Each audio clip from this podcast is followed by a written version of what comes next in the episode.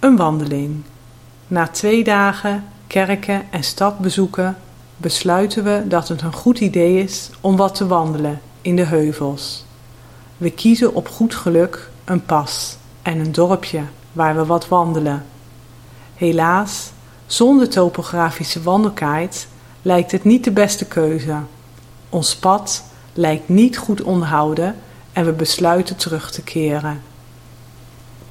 We lopen uiteindelijk toch nog een leuk rondje, maar we hadden ons misschien thuis iets beter moeten voorbereiden. Het geeft verder niet, het is vakantie en vandaag is het heerlijk weer. We kunnen zelfs even zwemmen in het koude zeewater.